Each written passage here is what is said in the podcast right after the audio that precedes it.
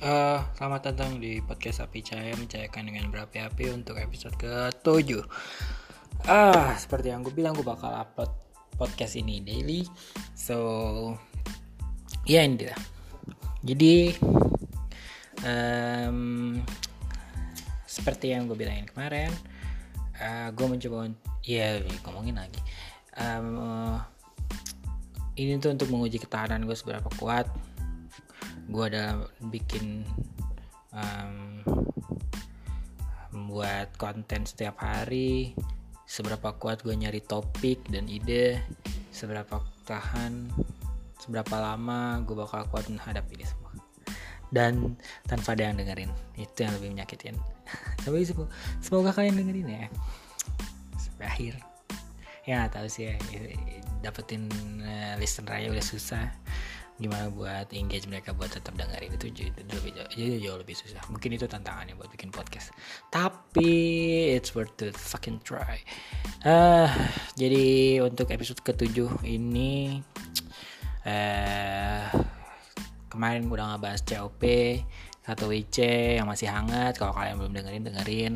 Terus gue bahas juga tentang Ocean Project yang masih belum masih belum berhasil uh, karena hal yang bis yang gue jelasin di episode sebelumnya. Jadi buat episode kali ini gue membahas tentang hmm, jadi uh, Ocean gue baca di uh, Ocean State Reportnya Copernicus dia tuh dia udah ngebahas tentang Ocean Reportnya pada tahun 2018 apa aja yang uh, dilaporkan lah apa eh report nama juga. Laporkan dan bagaimana keadaan laut kita saat ini. Nah dan gue bahas yang pengen gue bahas adalah kenapa uh, tentang tiga pembagian ocean tiga bagian tiga pembagian laut menurut warnanya. Nggak bukan warna sih bukan bukan literally warna uh, asiris tapi uh, jika dikaitkan iya mungkin adalah warnanya. Tapi ya untuk menjabarkannya aja. Te, pembagiannya ada tiga.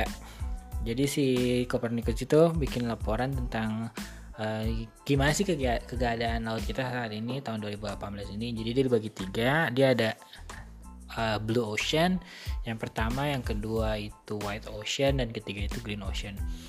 Uh, menurut gue pembagiannya udah pas tiga kalau misalnya ditambahin lagi mungkin uh, brown ocean karena masukin mungkin masuknya ke coastal tapi itu uh, ke pesisir. Tapi ya mungkin terlalu nggak terlalu ya mungkin bisa dimasukin lagi lah. Karena coastal juga menurut gue penting ekosistem pesisir banyak di sana. Dan saling berhubungan lah dengan ketiga warna tersebut. Yang tadi ya yang biru putih sama hijau. Buat yang biru ini buat yang biru ini dia uh, adalah lebih ke geofisik geo geofisiknya kayak wave terus angin terus panas terus semua yang berhubungan dengan fisika kimia dan apa pun itu dia masuknya ke si uh, yang biru blue, blue ocean. Jadi di sini tuh di yang blue ocean itu emang lebih ke lautnya kayak arus arusnya kayak gimana sih? Arusnya kayak gimana? Terus gimana suhu air sekarang? Dan gimana kenaikan muka air laut? Yang yang yang penting itu tiga. Buat yang dari conveyor belt atau dari arus itu sebenarnya ada anomali di conveyor belt ini. Kenapa? Karena adanya penurunan. Kayak uh, kalau conveyor belt itu dia uh, apa ya Uh, jadi ada arus yang mengitari dunia yang dia menghantarkan suhu bumi eh suhu air laut ke seluruh dunia dari dari panas ke dingin dari dingin ke panas yang kayak, kayak gitu terus. Dari kayak ada penurunan kayak gitu. Ada bagian-bagian yang panas banget, ada yang bagian yang dingin. Dari itu katanya udah nggak udah mulai nggak nggak bener nih kayak gitu. Karena ya ya nggak nggak bisa kita pungkiri emang si climate change ini tuh ngerubah semuanya. Ya gitu emang yang namanya juga change berubah. Walaupun cuma sedikit tapi kan berubah. Untuk blue ocean tuh kayak gitu. Juga dia juga menitik beratkan untuk yang blue ocean ini dia pengaruh terbesarnya pasti. Jadi emang climate change itu kalau bisa dibilang cascade effect. Karena uh, semua itu berawal dari manusia wah ini lu berani banget di manusia iya kenapa? Karena aktivitas manusia itu sangat sangat berpengaruh terhadap uh, global warming ini.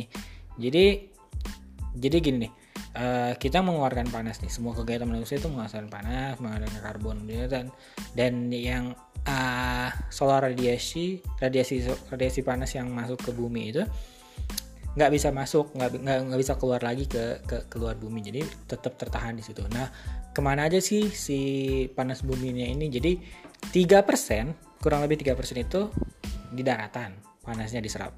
Terus 93 persennya ini yang paling banyak diserap oleh laut. Untuk yang 4 persennya lagi di mana dia 4 persennya lagi dia kan kutub deh.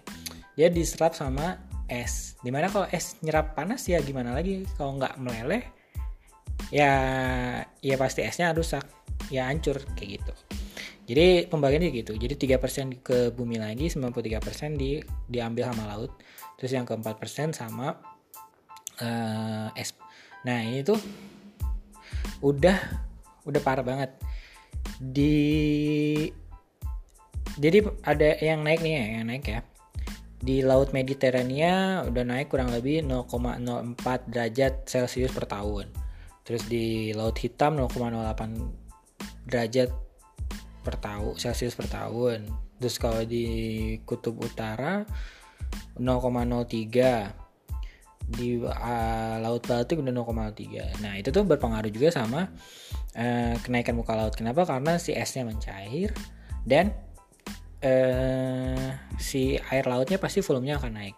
Jadi udah parah banget karena udah 3,3 mm per tahun itu udah parah banget sih kayak ya kalau dibayangin 10 tahun aja itu udah 30 cm uh, mungkin di tahun 2100 kita udah 30 udah, udah, udah 30 meter. Ya ya dihitung aja lah laju kenaikannya makin hari makin tahun makin gede.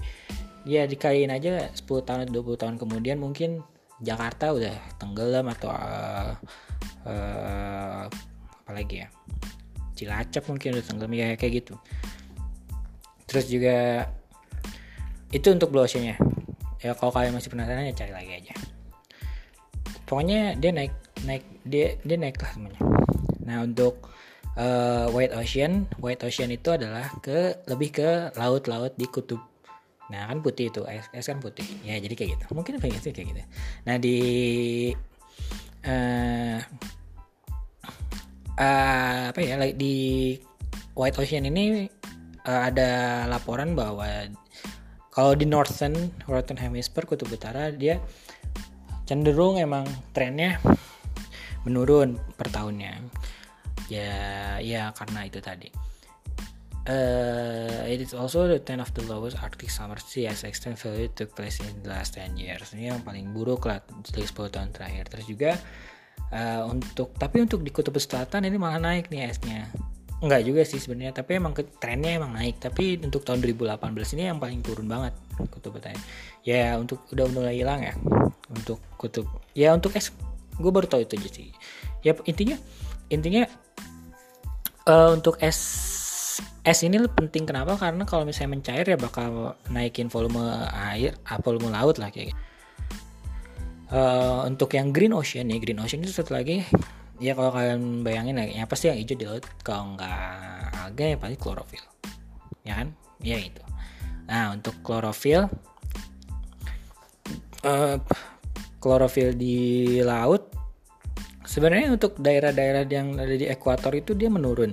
Tapi untuk yang di daerah-daerah kutub utara dan kutub selatan bagian utara bagian selatan itu malah naik. Kayak gitu. Itu i, i, uh, itu sih yang yang yang bagusnya tapi pasti ada buruknya juga. Jadi yang buruk mulu nih. Iya. Astagfirullah apa sih ya kayak gitu lah. Pokoknya kalian yang penting kalian tahu kalau green ocean itu klorofil. Terus ada juga oksigen yang lebih ke biogeologinya lah. Apalagi ya kayak kandungan-kandungan nutrisi dan sebagainya dan sebagainya.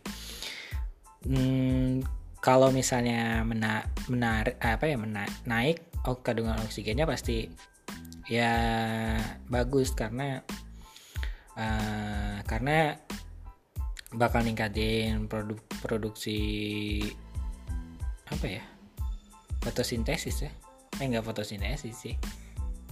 Uh, ya ikan-ikan kan butuh oksigen juga untuk nafas dari oksigen terlarut.